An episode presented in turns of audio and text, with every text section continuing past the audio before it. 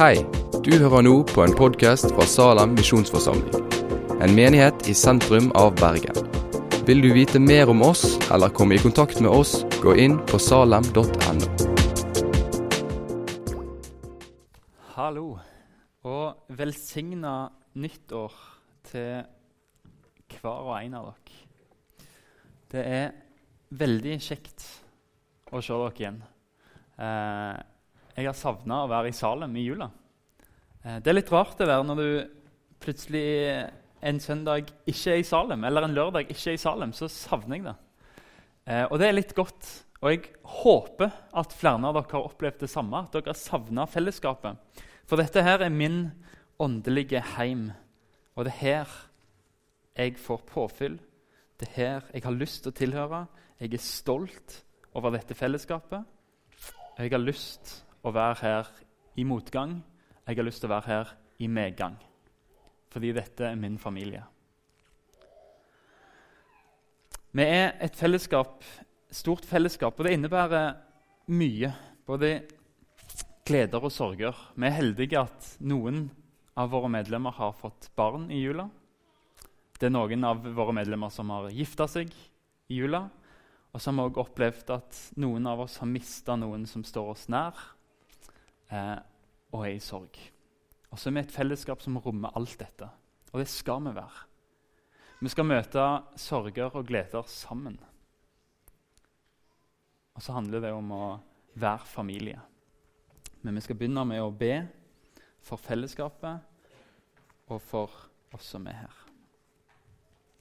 Herre, hellig og hellig og hellig er du, Herre Gud. Du som er allmektig, du som var, og du som er, og du som kommer. Du er verdig til å få all pris og ære og makt, for du har skapt alt. Og ved din vilje så ble alt til skapt av deg. Herre Far, jeg vil be for de små barna våre som er på søndagsskole. Jesus, Jeg ber om at de får lære om deg og kjenne deg. Jesus. La de få bli glad i deg, og la de få bli glad i hverandre og i søndagsskolelærerne. Jesus, jeg ber for de tilskuddene som kommer. Nyfødte barn. Jesus ber om at du gir visdom til foreldre, og at barna får vokse opp og være sunne og friske. Jesus. Og Jeg ber for de som gifter seg, de som er nygifte. Jesus, Jeg ber for alle ekteskap her i salen. Jeg ber om at du styrker ekteskap. Jesus, la våre familier få være vitnesbyrd om hvem du er. Jesus, du som fant de brud her på jord, og som er trofast i ett og alt, Jesus. Du fornekter aldri din kjærlighet til oss. La oss få være sånne familier. Og så takker jeg deg for at du tilgir oss når vi ikke makter det, Jesus. Men styrk våre familier, og styrk det samholdet, Jesus. Så ber jeg òg for, for de av oss som har mista noen. Herre Far, takk for at uh, vi er et folk som har deg. I dødsskyggens dal så er du der, Jesus. Takk for at du i ditt ord anerkjenner at livet kan være mørkt av og til. Og takk for at du er lyset. At for deg så er mørket som dag, og du ser når det skummer for oss. Herre far, la oss få klynge oss til deg. Kom med trøst og styrke. Herre far. Og Jeg ber om at uh, du kan være med i vårt fellesskap, vår familie her i Salem. Jeg ber om at du leder våre hjerter fram til din kjærlighet og til din tålmodighet. La oss få vokse fram sammen i større modenhet i troen. Gi våre indre mennesker kraft og styrke med din hellige ånd. Jeg ber om at du kan bo i våre hjerter, sånn at vi står rotfesta og grunnfesta i din kjærlighet, Jesus. Det ber vi om i ditt navn, Herre Far. Amen. Temaet for dagen er åndelig heim. Når jeg hører heim, så tenker jeg på hvile. Jeg tenker på en plass der jeg får bli utfordra der jeg blir oppdratt, der jeg får ansvar og oppgaver, der jeg modner sammen med søsken og foreldre, og der jeg vokser og utvikler meg som person. Jeg tenker på en trygg plass, dit jeg kan komme med problemer og vanskeligheter, der jeg kan sette meg ned sammen med noen som hører til der, og fortelle dem hva er det vondt i livet mitt, hva gleder meg over. Og en plass der jeg alltid blir tatt imot i kjærlighet. Vi vil være en åndelig heim. Vi vil være en sånn plass for alle som hører til her i Salem. Det innebærer ikke at jeg skal gjøre dette, eller at stab skal gjøre dette. Dette innebærer en menighetskultur som vi gjør sammen. Vi har en ny strategiplan der vi sier at vi vil være et åndelig heim med vekt på bibelforkynnelse. Vi vil forvalte sakramentene, vi vil ha sjelesorg og veiledning relatert til den enkeltes liv, og sånn være til stede for alle. Vi vil være et fellesskap der vi møter hverandre åpent ærlig, omsorgsfullt, med de gleder og utfordringer som livet byr på, og hvor vi hjelper hverandre videre på livsveien. Og så skriver Paulus noe som eh, for meg er blitt en sånn Ja, det må vi. Det står i Romerbrevet i kapittel 14 og vers 19. Eh, der står det Så la oss strebe etter det som tjener til fred og til å bygge opp fellesskapet.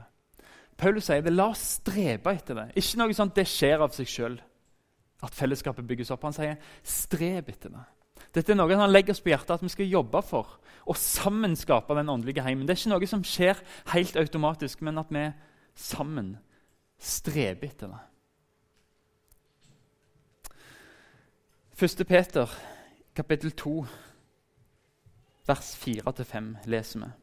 Kom til Han, den levende steinen som ble vraket av mennesker men er utvalgt og dyrebar for Gud. Og bli selv levende steiner som bygges opp til et åndelig hus. Bli et hellig presteskap og bær fram åndelige offer som Gud tar imot med glede ved Jesus Kristus. Bli sjøl levende steiner som bygges opp til et åndelig hus. Det er oss. Vi skal være det åndelige huset. Og det er sånn at i 2018 jeg må, inn, jeg må, øve meg på å si 2018, for jeg liksom sier ennå 2017. Men i 2018 så er det sånn at folk kan gjerne være interessert i Jesus, fordi han var en god person og en god lærer. Men så kommer de til kirka hans, og så sier de vi vil ikke ha noen ting med det å gjøre. Absolutt ingenting. Og det kan godt være fordi at kirka har gjort mye feil. Det er det ingen som betviler. Til og med vi har nok gjort mye feil i møte med enkeltpersoner. Det vil jeg tro, og det vil jeg bekjenne. Og så er det òg tidsånden. liksom Ikke forplikte seg, ikke være villig til å bli disiplinert. Ikke til å ha en autoritet. Og Tidsånden vil si at du kan følge Jesus uten å forplikte deg til noen som helst. eller noe som helst. Uten å la deg disiplinere. Og Da er ikke kirke nødvendig. Du kan bare følge Jesus. Skal vi bare la dette kirkeprosjektet bli liggende? Skal vi bare la fellesskapet bli liggende på sida og si hver for en bare gjør som du tror? Skal vi utelukkende fokusere på evangelisering og individuell kristendom? At når en blir kristen, så bra jobba, snakkes i himmelen? Jeg tror ikke Jesus ville likt det. Fordi kirka er hans idé. Det er han som starta det, og han har ikke forkasta den ideen ennå. Og jeg tror ikke han kommer til å gjøre det, for han kommer til å fullføre det som han har planlagt. Han kjøpte kirka med sitt blod, og han elsker kirka. Han ga seg sjøl for kirka. Han ga seg sjøl for deg, ja, men han ga seg sjøl òg for fellesskapet av de kristne. Det kan godt være at du ikke liker enkelte kristne. La oss være så ærlige at ikke alle kristne er fordaglige i alles øyne. Og Kanskje er det noen i Salem du ikke liker. Det har skjedd før i historien, og det kommer til å skje igjen at vi kristne har store problemer med hverandre. Men likevel så er vi etterfølgere av den samme Herren. Vi er gjort til søsken. Paulus sier faktisk at vi er helgener. Vi er hellige. Rekk opp hånda alle som er helgen, som er hellig. Bra. Bra. Jeg vil egentlig ha flere hender opp dit. For hør nå. Paulus kalte korinterne hellig. Den verste menigheten som eksisterer i Bibelen. Altså, de er jo helt forferdelige menighet. Men Paulus sa dere er hellige. Hvis korintermenigheten var en menighet i Bergen, så hadde jeg holdt meg veldig langt unna. Og det er ikke tull engang. Jeg hadde holdt meg veldig langt unna korintermenigheten hvis det var et alternativ i Bergen. Men Jesus gir ikke opp den menigheten. Til og med de kaller Paulus for hellige. For det er ikke jeg som er hellig, men det er Jesus som gjør meg hellig. Det er med hans folk blir gjort hellige gjennom Jesus. Med hans. Dette er ikke en synlig sannhet, men det er en åndelig sannhet. Du ville kanskje ikke levd med meg i en evighet sånn som jeg er nå. Men Gud kommer til å fullføre det som han har starta i meg. Jeg er hellig i Jesus, og jeg prøver å arbeide, men det er mest Den hellige ånd som arbeider i meg om å bli det jeg allerede er. Jeg er hellig for Jesus, og så prøver jeg å bli det her mens jeg lever her på jord. Prøver å leve som om jeg er hellig.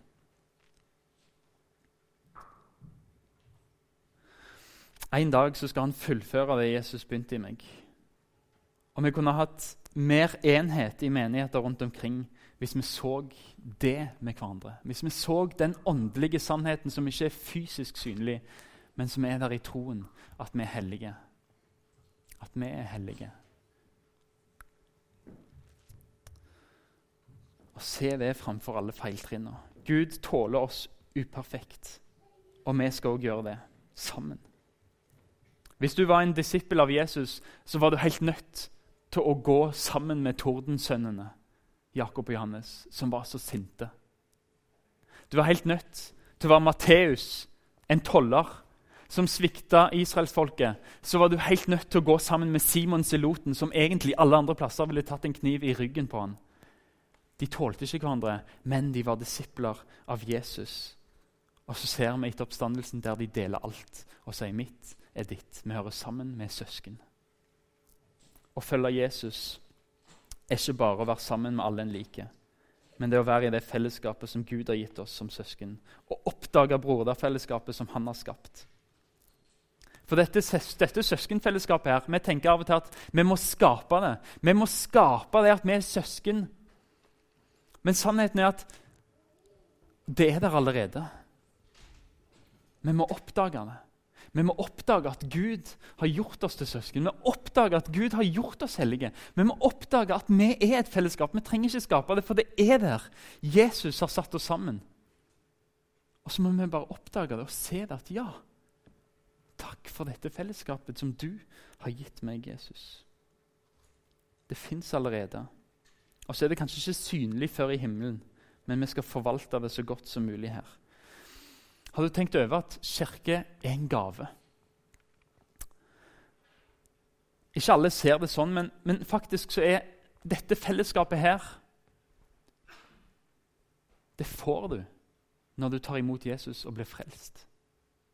Fellesskapet, kirke, det er en del av den frelsesgaven som Gud gir deg.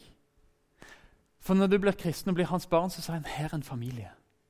Vær så god. Ja, frelsen handler om evigheten. Det handler om himmelen. Det gjør det. Det handler om å få Den hellige ånd her som forandrer oss. det gjør det. Men det handler òg om å få et fellesskap som du kan høre hjemme i. Som du kan få vokse sammen med, og som du kan få være en del av. Kirka er en gave. Det er en oppgave òg, ja, men det er òg en gave du får i frelsen. Og tenk sånn om Salem at det er noe du fikk i nåde fordi du tok imot Jesus, du trodde på han, så ga han deg frelsen, men han ga deg òg fellesskapet. Forvalte som en gave som Gud har gitt deg av nåde. Jeg vil vi skal tenke sånn at det er noe som Gud har gitt oss. Fordi da ser vi at det er dyrebart, fordi han døde for at vi skal få muligheten til det. Bibelen bruker mange begreper om kirke eller fellesskap. Åndelig heim er faktisk ikke et av de begrepene. Men det er mange bilder vi kan samle i betegnelsen, og så sier vi at sånn ser en åndelig heim ut. Et av de bildene som brukes, er av Gud som far og Kirken som hans familie. Og Gud har bare sønner og døtre. Gud har ikke barnebarn. Det at pappa og mamma er kristen, det gjorde meg aldri til en kristen. Jeg måtte sjøl ta et eget valg, og det, det gjelder alle. Vi kommer ikke inn i fellesskapet med Gud som far pga. noen andre, men pga. vår egen tro.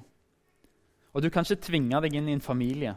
Du kan komme på besøk, men du kan ikke bli medlem av familien. Du kan fake at du er medlem. Du kan late som om du er medlem, men hvis du skal være et ekte medlem, så må du bli født inn eller adoptert inn. Jesus er den som er født inn i familien. Alle vi andre er adoptert. Vi er blitt gjort til Guds barn. Og du kan ikke si at du er Guds barn uten at du har blitt adoptert av han. At han får være din far. At du har, satt, at du har tatt imot han som far. Du kan bare bli adoptert, og Gud vil gjøre det. Han adopterer hver dag nye barn som legges til i hans kirke. Og jeg kan fortelle deg at hvis du er på besøk i dag og jeg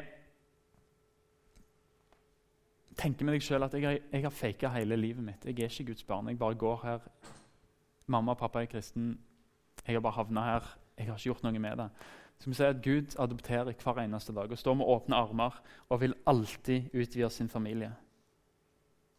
Jeg kan ikke gjøre deg til medlem i Jesus kirke. Det kan bare Gud. Men han vil. Og vi som er hans barn, vi blir søsken i troen. Og Det er det grunnlaget for det åndelige heimen vi ønsker å skape her i Salem. Og Jeg ønsker at fellesskapet skal få være definert av ett ord, og det er kjærlighet. Kjærlighet. Gud har gitt oss tre bud. Vi skal elske, vi skal elske Herren vår Gud av hele vårt hjerte av hele vår sjel. Vi skal elske vår neste som oss sjøl, og vi skal elske hverandre. Det er de tre kjærlighetsbudene Gud gir oss i Bibelen. Og Det skal vi gjøre her i, Salem. Det, det, det drømmer jeg om. At vi skal være en forsamling som elsker Gud av hele vårt hjerte av hele vår sjel. Vi elsker vår neste som oss sjøl, og vi elsker hverandre. Hvordan elsker vi Gud, da?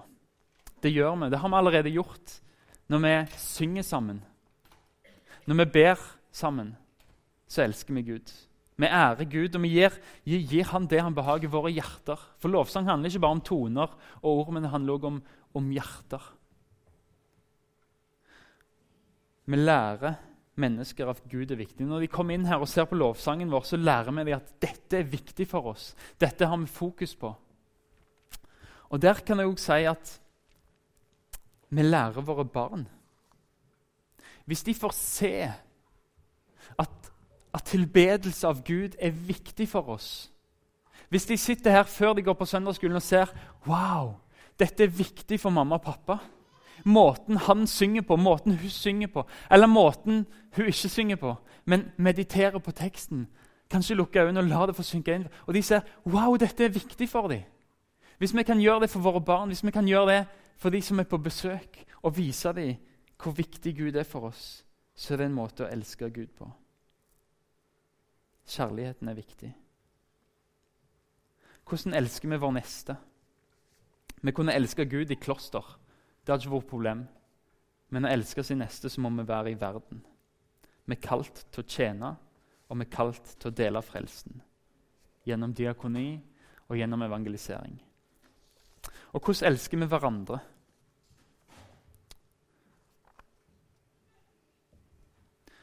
Det er én ting Jesus sa når han reiste til himmelen. Så ga han oss et bud. Elsk hverandre. Elsk hverandre. Ett bud gir jeg dere. Dere skal elske hverandre som jeg elsker dere. Sånn skal dere elske hverandre. Ved dette skal alle forstå at dere er mine disipler, at dere har kjærlighet til hverandre.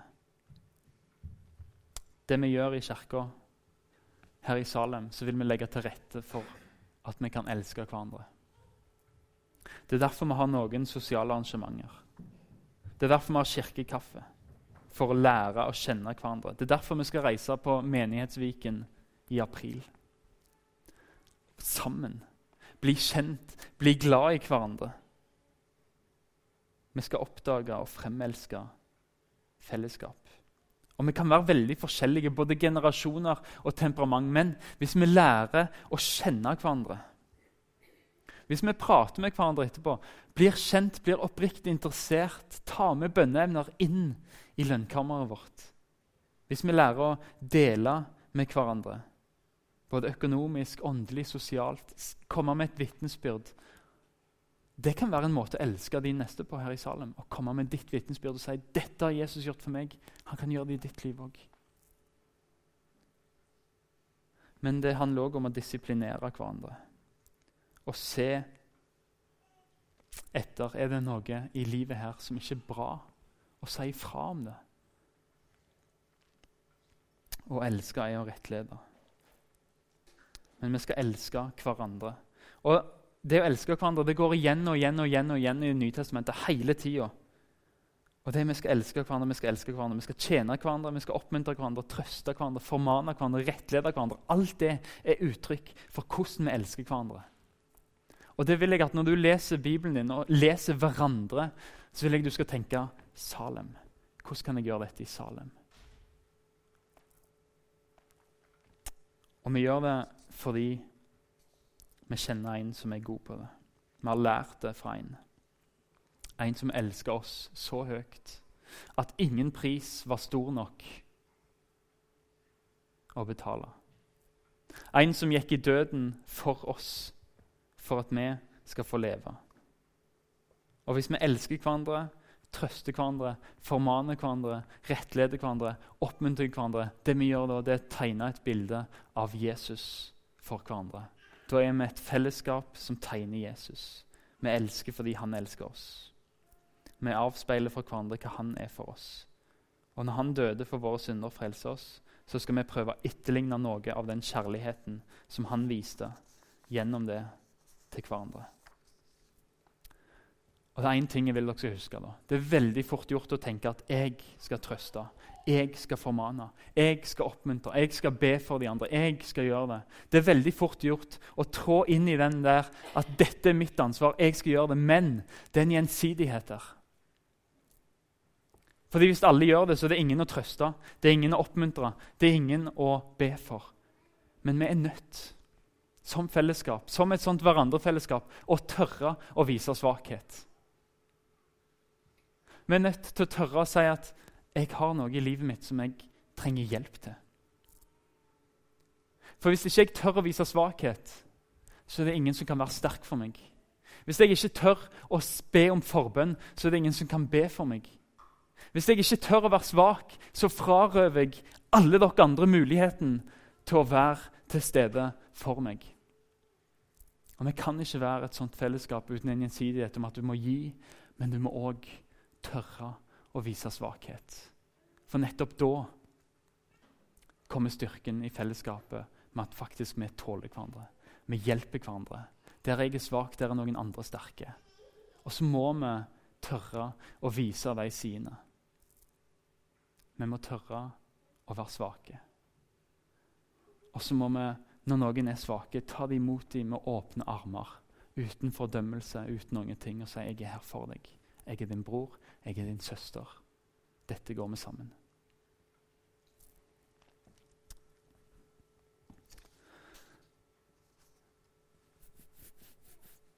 Hva skal Kirka gjøre, det som er åndelig heimen? Hva skal vi gjøre? Vi leser videre fra 1. Peters brev 2, 9 og 10.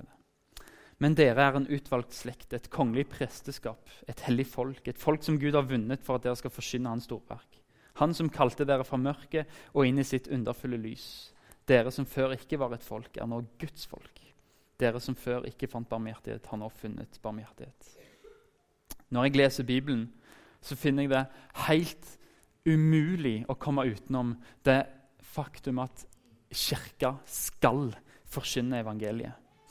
Dere skal forkynne hans storverk. Kirka er et fellesskap av troende søsken, en familie. Men vi har fått et oppdrag, og det er å utvide den familien. Utvide han gjennom å forkynne evangeliet. Det kommer vi ikke utenom. Og derfor, Hvis vi skal være et sant åndelig heim, sånn som Bibelen fremstiller kirke, så må vi forvalte fellesskapet gjennom å forkynne evangeliet. Vi må forkynne evangeliet. Hvis ikke så er vi ikke en åndelig heim.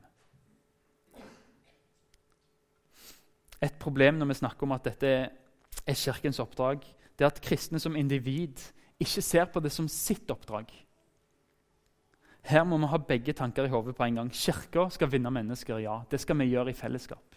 Men du skal vinne de neste. Du er kalt til de neste. Jeg tror tanken er at Kirka skal utruste deg til å nå dine.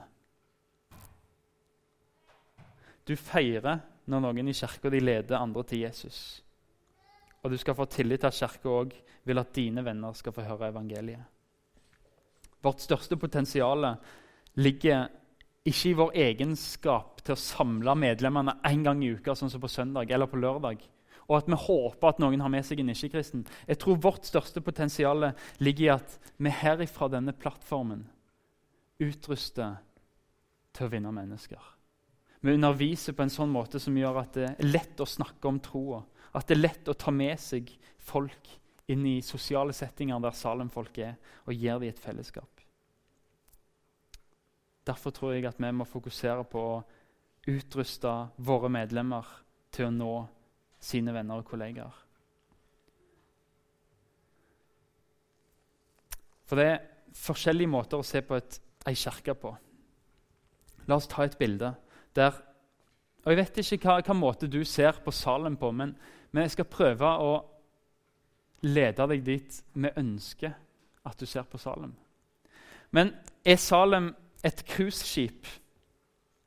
Hvis vi skal sammenligne Salem med en båt, er det et cruiseskip der det er kristen luksus for familien, der det er barnetilbud, det er underholdning, der du kommer inn og tenker 'Hva kan jeg få her?' Liker jeg musikken? Liker jeg fellesskapet? Liker jeg det som skjer? Hvis ikke så har jeg mange andre plasser å gå, mange andre cruisebåter å kjøpe billett på. Hvis du tenker sånn, så vil jeg be deg om å tenke om igjen. Da tenker du at du er medlem av Salem på samme måte som du er medlem av en golfklubb. Nemlig at du betaler medlemskap, og det gir deg fordeler.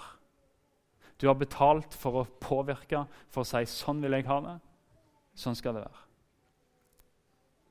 Når du er med i et kristent fellesskap, så er det ikke et sånt medlemskap vi tenker på. Vi tenker ikke på en sånn måte så at jeg betaler tiende her, da må vi ha dette som tema. Det er ikke den måten vi tenker på, men vi tenker på medlem. Du er et medlem. Du er et lem på et legeme. Du har en funksjon som du må forvalte for at fellesskapet skal gå rundt. Medlemskap i kirke handler om ikke bare få og ta, men det handler også om å tjene. Vi ønsker ikke å være en cruisebåt der det bare kommer. Og hvis du ikke liker det, så kan du gå en annen plass.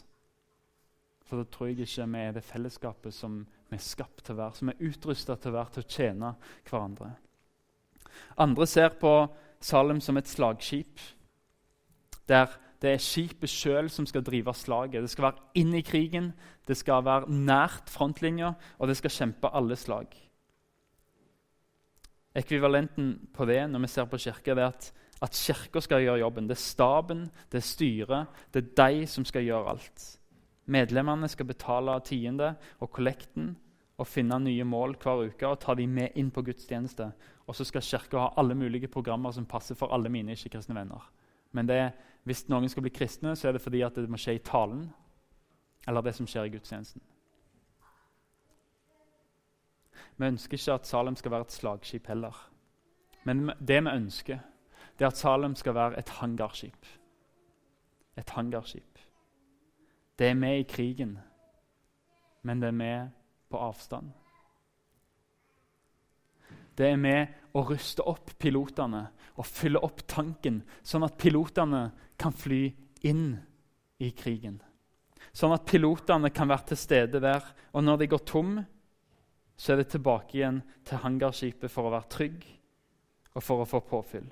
For å tanke og for å hvile og for å få nytt mot. Vi ønsker å være et hangarskip der medlemmer lærer å dele evangeliet uten at stab eller styre er på lunsjrommet sammen med deg når du deler det. Vi ønsker å utruste til at du er en disippel som gjør disipler. Vi skal være en disippelfabrikk som sender ut og utruster medlemmene sine til kampene.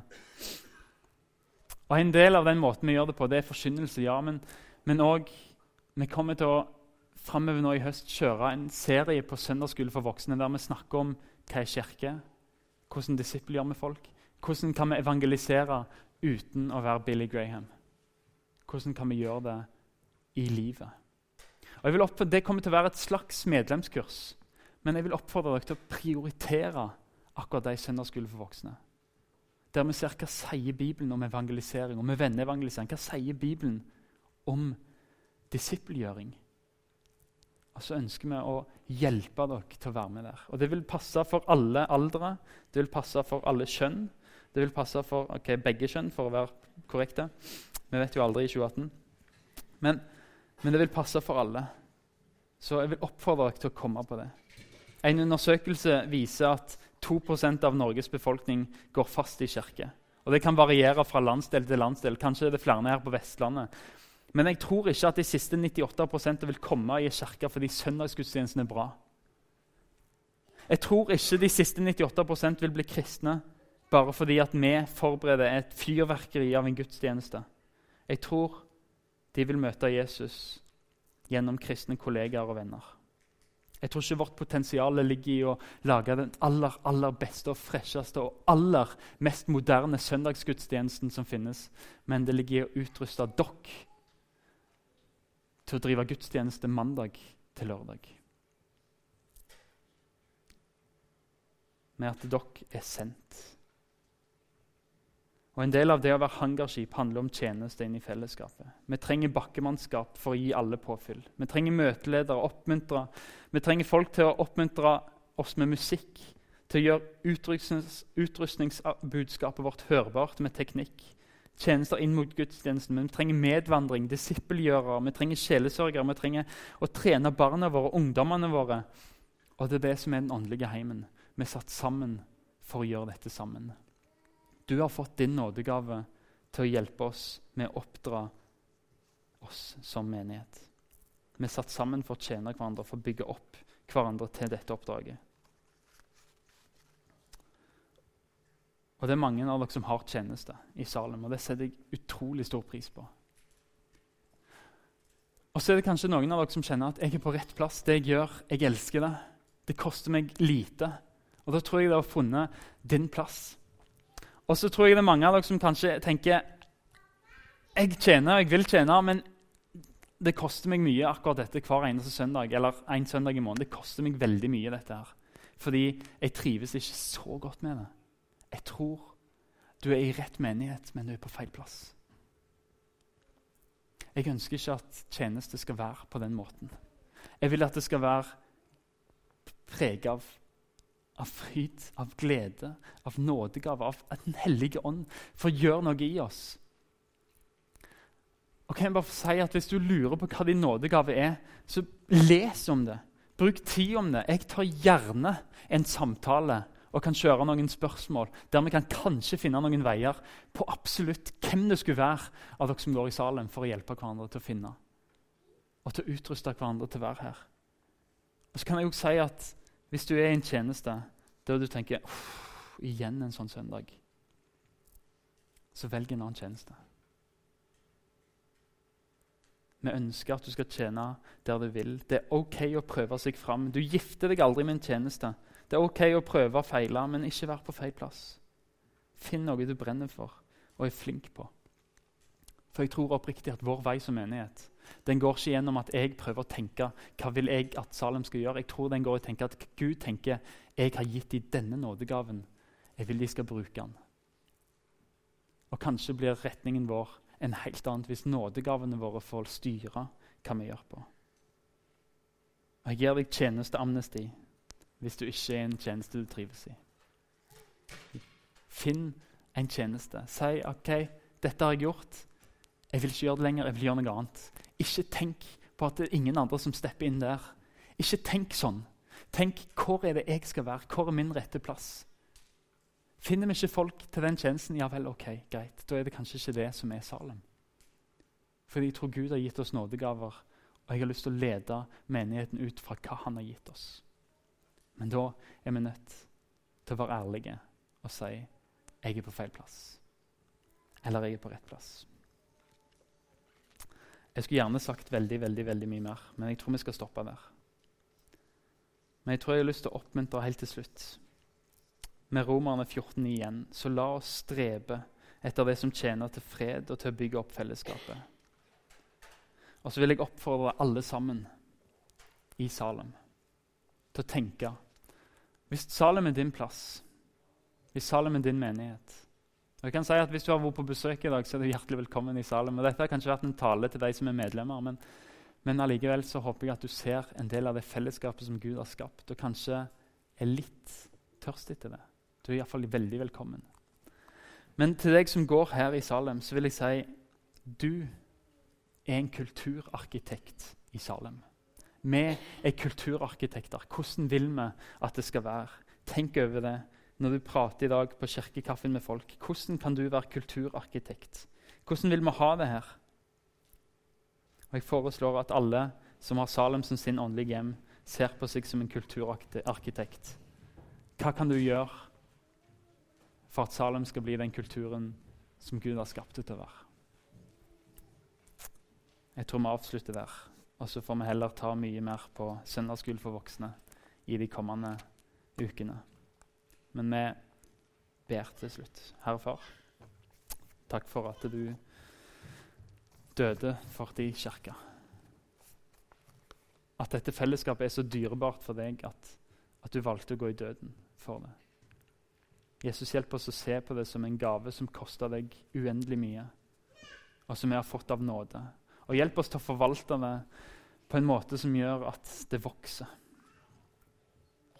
Jesus, jeg ber om at du gir oss og oppfører oss i gudstjenesten på en måte som gjør at barna våre ser at det er viktig for oss. At besøk ser at det er viktig for oss å være her. At det er viktig for oss å takke deg og tilbe deg og synge til deg. At det er viktig for oss å høre ditt ord. At det er viktig for oss å gi tilbake av det du har gitt oss. La oss få være et fellesskap som er en heim. Og så ber jeg for deg som ikke kjenner seg som hjemme i Salem, og som er her i dag, Jesus. Jeg ber om at du åpner dine armer og la dem få se Jesus, at de er velkommen hjem til deg. Først og fremst. Og så ber jeg om at du gir dem en kjærlighet til dette fellesskapet. Og at de gir oss et, en kjærlighet til deg. At du innlemmer dem her, Jesus, på en sånn måte som gjør at de kjenner seg hjemme. Hjelp oss til å åpne våre armer for deg, Jesus. Det ber vi om i ditt navn. Amen.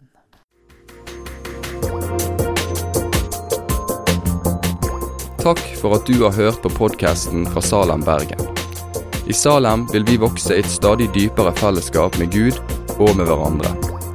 Vi vil være Jesu hender og føtter, og vi vil være med å forkynne frelse for Bergen og resten av verden.